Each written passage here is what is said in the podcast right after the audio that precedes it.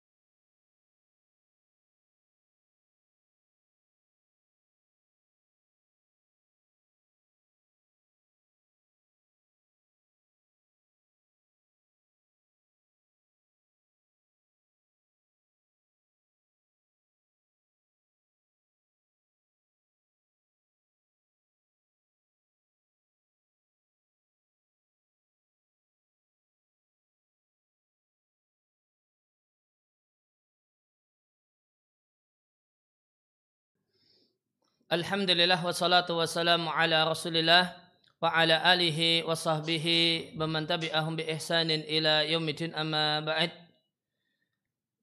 Ikhwatal iman rahimani wa rahimakumullah kembali kita lanjutkan mentelaah dan membaca dan mentelaah kitab fikih ta'amuli baina zaujaini karya Syekh Mustafa Al-Adawi hafizallahu taala wa faqahu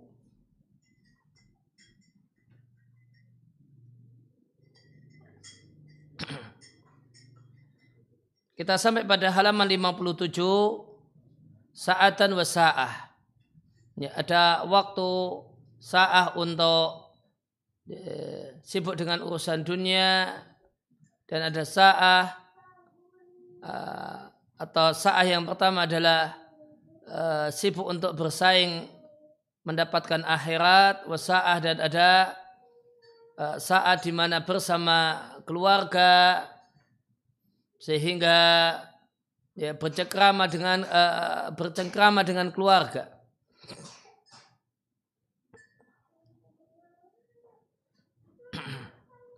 Kemudian uh, disampaikan oleh penulis Hafizallahu taala pergaulan yang baik itu diperintahkan wa tarfih anil ahl dan ya, menghibur keluarga bainal hin wal akhar. Dari waktu ke waktu itu matlubatun satu hal yang diperintahkan.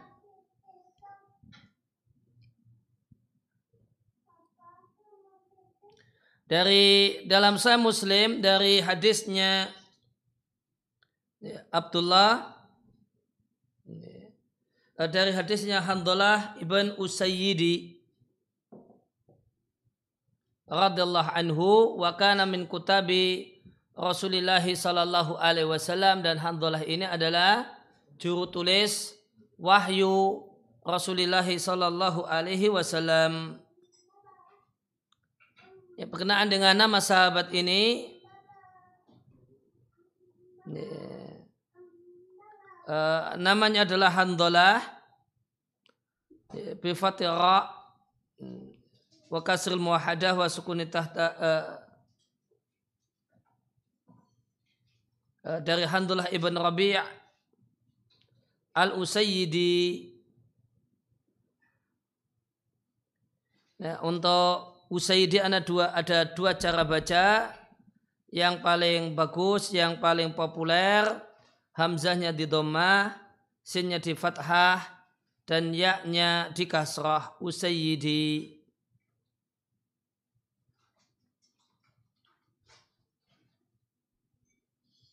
Ya, Handalah sahabat Nabi ini adalah Handalah ibn Rabi' yang terkenal dengan sebutan Handalah Al-Katib. Handalah sang juru tulis Nabi Shallallahu Alaihi Wasallam. Dan Handolah ini bukan Handolah ibnu Abi Amir yang bergelar Rasulul Malaikah yang jenazahnya dimandikan oleh malaikat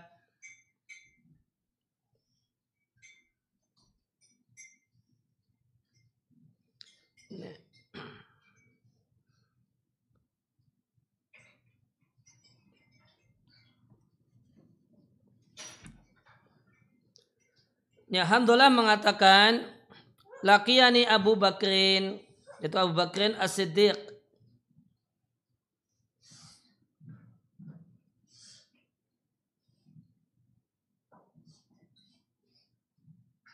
Nah, maka ini menarik kenapa tidak laki itu Abu Bakrin namun lakiyani Abu Bakrin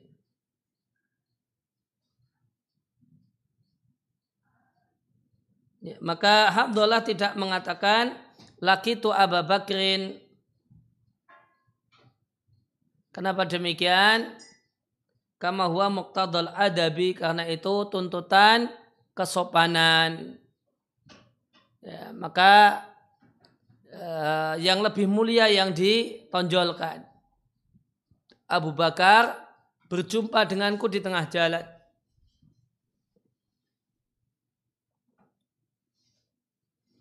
Lantas Abu Bakar bertanya kepada Handolah, Kaifa anta ya tu? Bagaimanakah kabarmu wahai Handolah?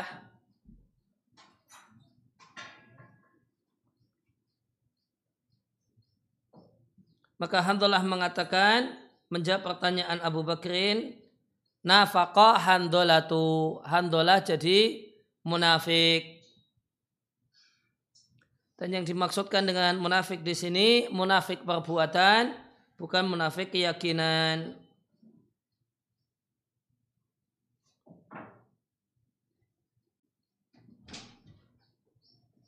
Eh, nah, Alhamdulillah mengatakan demikian karena dia lihat dirinya ada sesuatu yang tidak dia sukai karena berbeda keadaannya ketika sendiri di rumah dan ketika bersama banyak orang.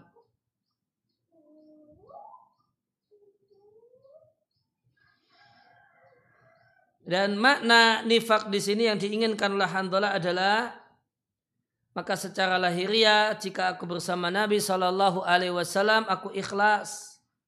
Dan jika aku bersendirian jauh dari Nabi maka aku cinta dunia dan kutinggalkan keadaanku bersama Nabi. Maka seakan-akan di sini terdapat unsur lahiriah berbeda dengan batinnya.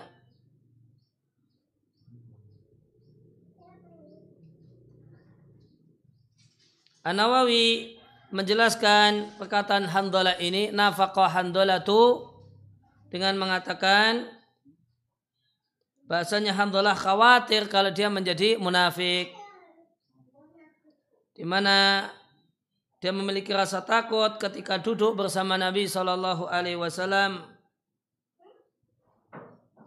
diiringi dengan dan nampak pada dirinya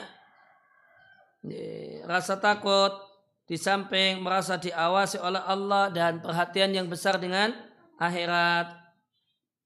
Akhirnya ketika sudah meninggalkan Nabi, sibuk dengan istri dan anak dan penghidupan.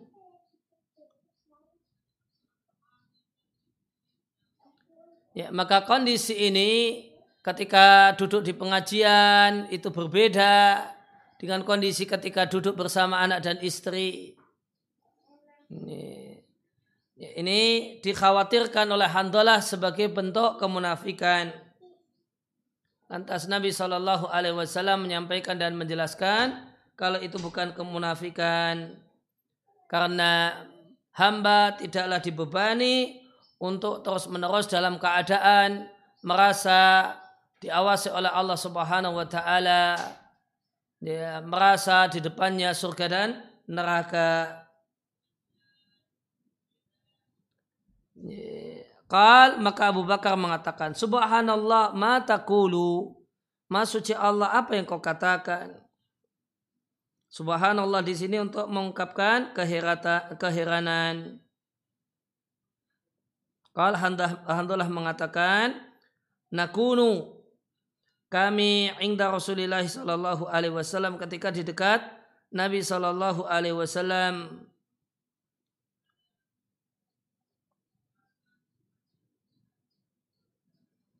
Yudhakiruna ketika kami di dekat Nabi di majelis pengajian Nabi ingatkan kami, Nabi nasihati kami dengan neraka yaitu terkadang Nabi memberikan nasihat dengan siksa neraka.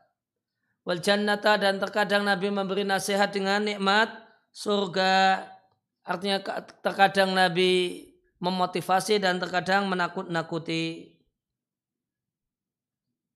Hatta ka'anna sampai-sampai kami ra'ya ainin.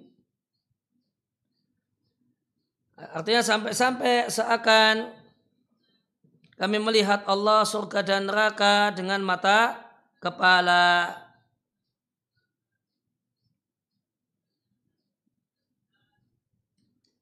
Fa'idha kharajna namun jika kami keluar maksudnya ya, meninggalkan ya, kami keluar tidak lagi bersama Nabi.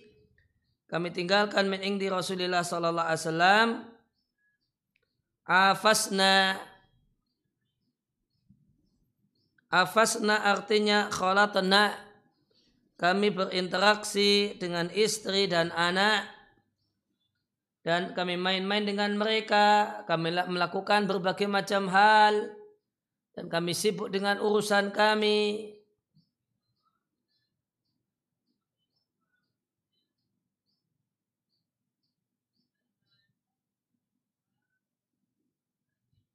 Kemudian uh, al-aswad wal aulad wa dhai'at Doyat artinya al-ara di tanah, sibuk dengan tanah. Uh, wal ara di tanah wal basatin dan bustan, kebun, itu kebun korma. Doyat bentuk jamak dari doyatin.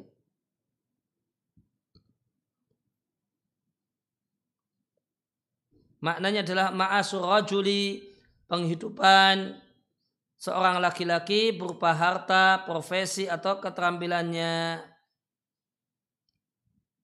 ya, atau kebun kurmanya, hasil ternak ternak dan pertaniannya. Ya, artinya ya terjemah bebasnya pekerjaannya. Ya dari pekerjaan itu kemudian dari pekerjaan itu ada harta, kemudian boleh jadi pekerjaannya bercocok tanam, berternak dan yang lainnya.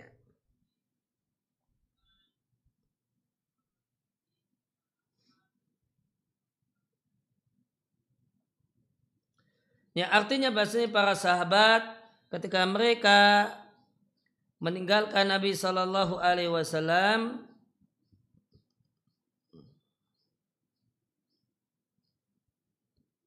mereka sibuk dengan hal-hal ini maka hilanglah kondisi mulia yang dulu mereka jumpai ketika mendengar nasihat Rasulullah Sallallahu Alaihi Wasallam dan melihat Nabi Sallallahu Alaihi Wasallam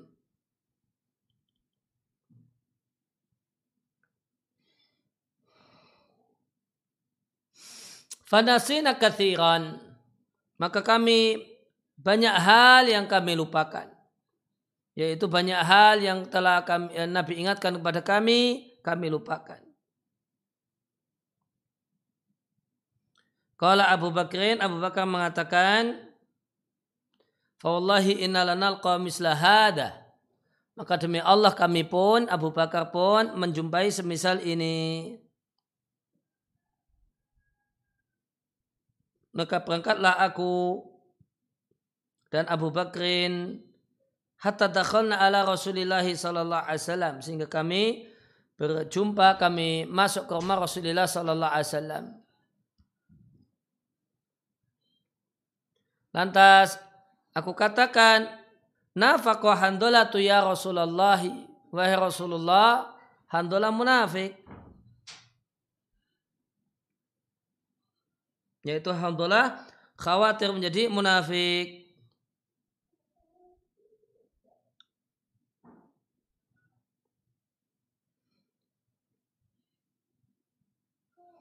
Maka Rasulullah Shallallahu Alaihi Wasallam kemudian mengkonfirmasi Madaka apa itu yang dimaksudkan atau apa sebab ucapan itu? Kami katakan wahai Rasulullah, kami bersamamu, engkau ingatkan kami dengan surga dan neraka seakan-akan kami melihat dengan mata kepala. Namun jika kami meninggalkan dirimu, afasna ay khalatna, kami berinteraksi dengan istri, anak dan pekerjaan, maka nasina Nasina kathiran banyak hal yang kami lupakan.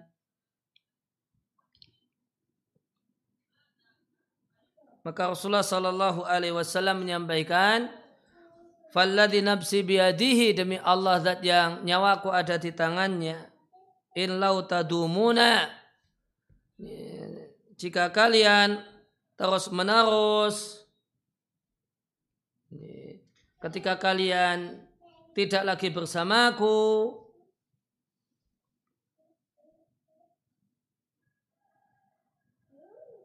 Kalian terus menerus ala ma'takunu ingdi.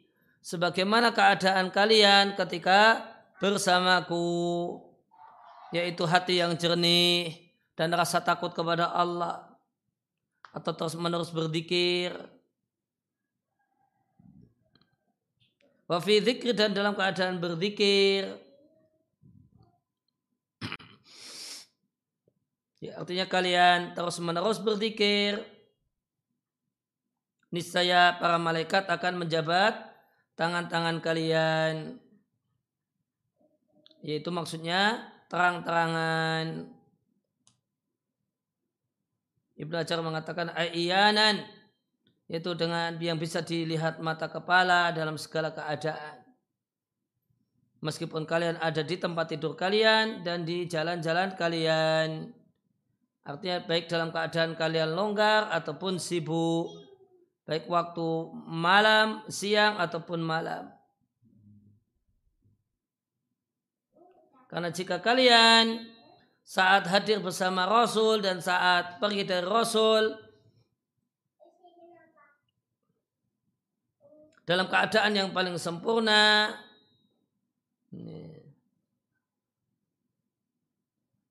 Ya, dalam keadaan yang paling sempurna. Ya, maka malaikat akan melihatnya dan mereka akan memuliakan hal itu dalam setiap keadaan dan tempat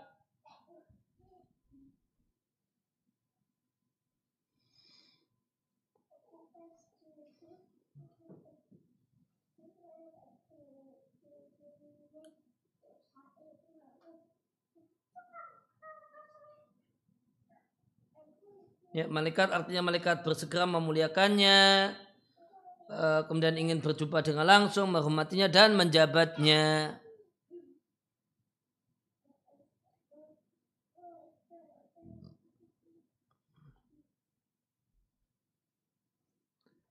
Ya, maka menjabat kalian ala furosikum ketika kalian di tempat tidur dan di jalan. Tempat tidur itu berarti malam hari, di jalan itu berarti aktivitas siang hari atau di tempat tidur itu berarti longgar, kosong, di jalan itu berarti dalam kondisi sibuk. Walakin ya handolatu namun wai handolah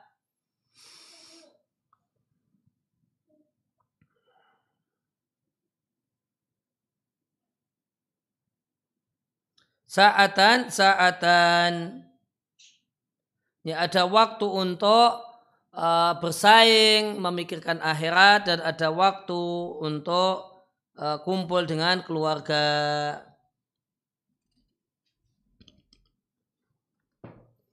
Artinya uh, seorang itu tidaklah munafik. Biayakuna fi waktin alal hudur. Ketika di satu waktu dia demikian. Uh, semangatnya dan di waktu semangatnya dengan akhirat wa fi waktin alal futur. Dan di waktu yang lainnya dia loyo. Maka ketika semangat waktu-waktu semangat tunaikan hak Allah. Dan ketika waktu-waktu loyo penuhi ya, kepentingan diri. Namun namun dimungkinkan bahasanya saatan-saatan ini menunjukkan keringanan.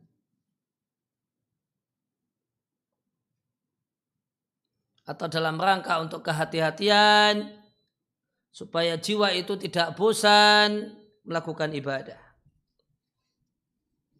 Intinya terus menerus keandisi terus menerus sebagaimana yang kau ceritakan seakan-akan surga ada di depan mata itu tidak mampu dilakukan oleh semua orang. Tidak ada tidak ada satupun orang yang mampu melakukannya. Oleh karena itu hal tersebut tidak dibebankan. Namun yang menjadi kemampuan umumnya orang adalah ya, eh, ala hadihil hal uh, dalam kondisi semangat akhirat di satu waktu dan semangat membersama istri main dengan anak-anak di waktu yang lain.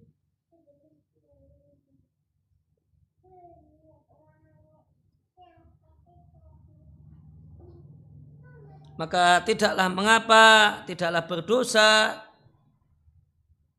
di setelah ada waktu untuk menunaikan hak Allah, menunaikan hak Allah, ada waktu untuk bersama keluarga. Maka demikianlah engkau, engkau di atas jalan yang lurus, sama sekali tidak mengalami kemunafikan sebagaimana anggapanmu. Maka berhentilah dari keyakinan demikian karena keyakinan demikian itu di antara bisikan setan sehingga mengubah keadaan seorang hamba dan demikian terus menerus diubah sampai akhirnya sama sekali tidak beramal.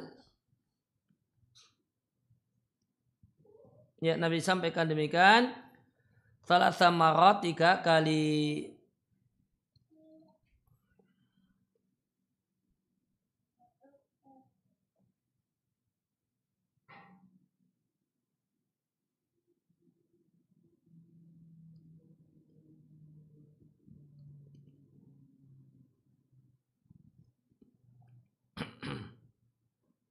Ya, itu uh, makna global hadis.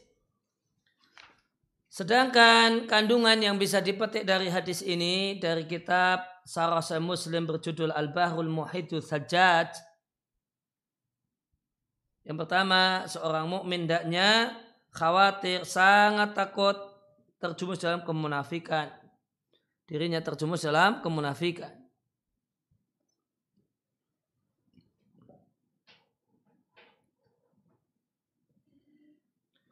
Kemudian hadis ini menjelaskan bagaimana keadaan para sahabat yang demikian khawatir terjumus dalam kemunafikan padahal mereka punya iman yang demikian kuat dan mereka adalah orang yang sungguh-sungguh dalam memurnikan ibadahnya dan amalnya untuk Allah Ta'ala.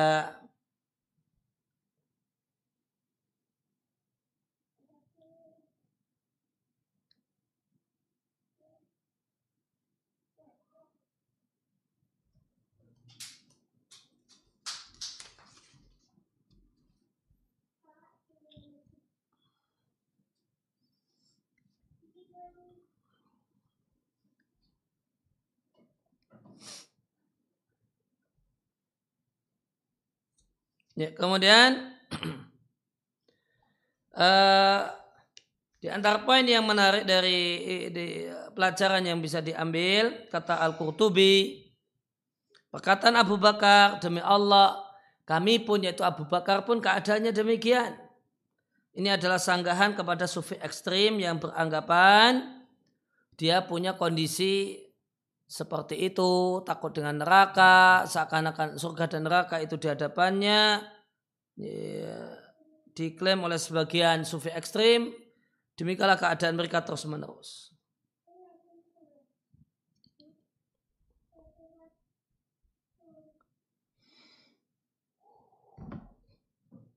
Ya, maka klaim orang sufi bahasanya mereka bisa berada dalam kondisi ingat Allah, ingat surga dan ingat neraka, seakan-akan itu semua ada di hadapannya secara terus menerus itu satu hal yang tidak benar. Kenapa bisa disebutkan demikian? Ya, Abu Bakar yang merupakan manusia yang paling mulia setelah Rasulullah Sallallahu Alaihi Wasallam sampai hari kiamat.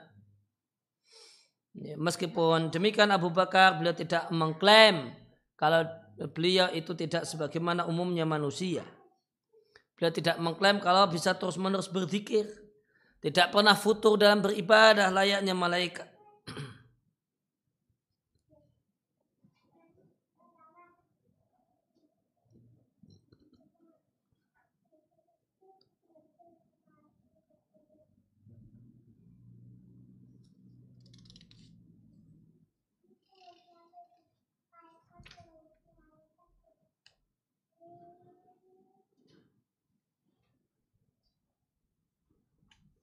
Ya, eh, maka ini Abu Bakar yang manusia paling mulia saja tidak demikian. Namun ada waktu semangat untuk menaikkan hak Allah dan ada kadang waktu lupa karena asik main dan bercanda-canda, bercengkrama dengan istri dan keluarga.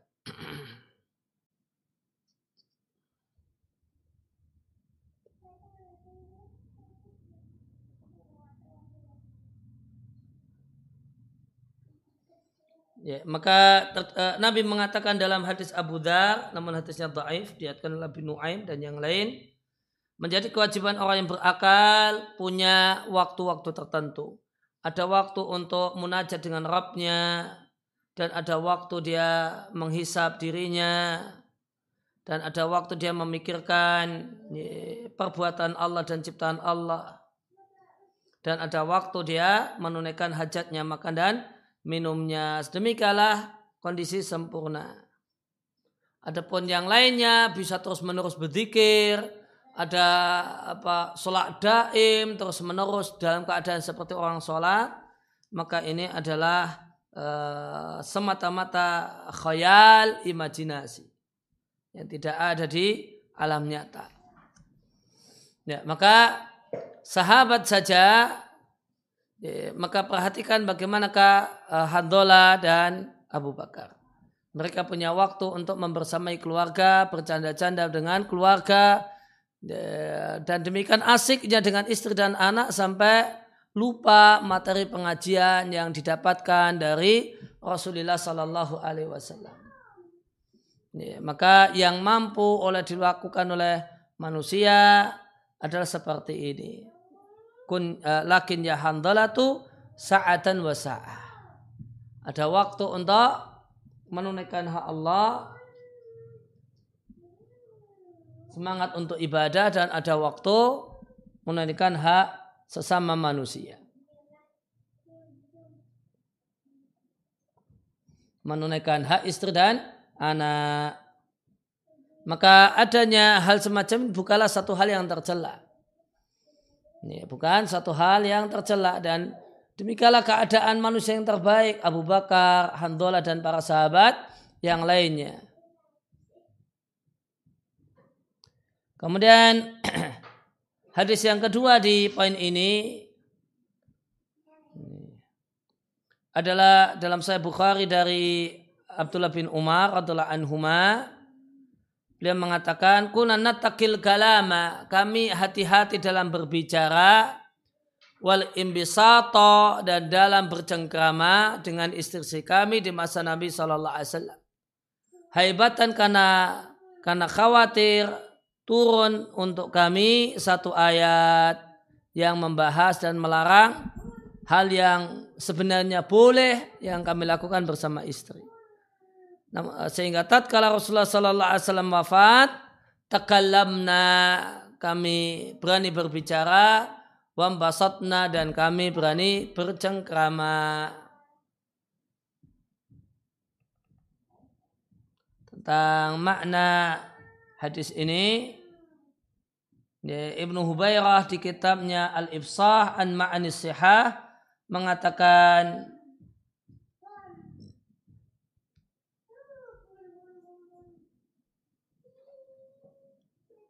Ya kandungan hadis bahasanya orang yang saleh meskipun dia saleh secara agama dia tetap bercengkrama dengan keluarganya dengan istrinya dan bahasanya mereka para sahabat di masa Rasulullah Sallallahu Alaihi Wasallam mereka khawatir bercengkrama ini ya, larut dalam bercengkrama ini menyebabkan melakukan dan mengucapkan sesuatu yang tidak boleh. Lantas turunlah Al-Quran tentang mereka.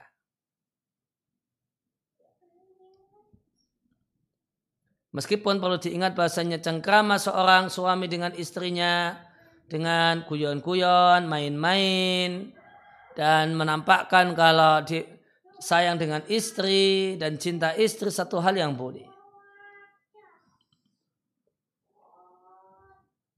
Dan bahkan jika guyon dengan istri, tebak-tebakan sama istri, bermain dengan istri, itu jika ya, niatnya baik, itu bernilai insya Allah, itu bernilai ibadah. Itu bernilai ibadah.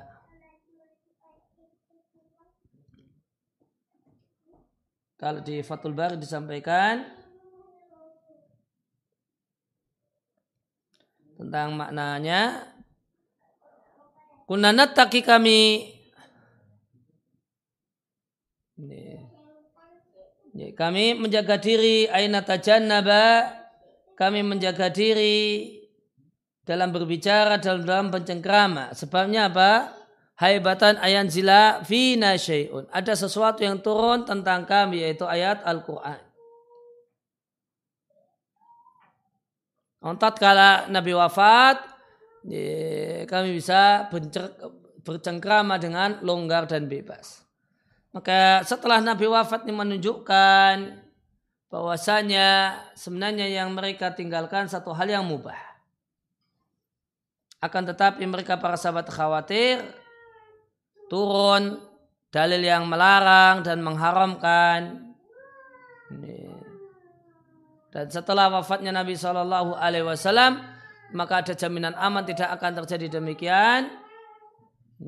Lantas mereka pun melakukannya. Ya, maka sisi pendalilan dari hadis ini lihat para sahabat mereka bercengkrama dengan istri dan anaknya. Sebagaimana di hadis sebelumnya Hamdalah ya, itu setelah pulang dari tempatnya Nabi ya, dia bercengkrama dengan istri dan anaknya sampai terkadang lupa lupa berbagai macam pelajaran yang telah diberikan oleh Nabi Shallallahu Alaihi Wasallam. Ya, maka kalau kita kembali ke judul ya, judul yang kita bahas, ya, maka di antara indahnya ajaran Islam Islam tidak menuntut kita untuk senantiasa dalam kondisi ya, ingat Allah, ingat surga dan neraka, dan surga dan neraka seakan-akan di depan mata setiap waktu. Dan di antara kemurahan dan kasih sayang Allah Subhanahu wa taala ada waktu untuk ibadah, ada waktu untuk merasa surga itu sepertinya di depan mata. Nah, ada waktu ya, bercengkrama dengan istri dan anak, guyon dengan istri dan anak, dan ini ya, dengan guyonan candaan yang dibolehkan dan ini tidak mengapa meskipun berdampak ya, kondisi saat pengajian itu tidaklah nampak ya,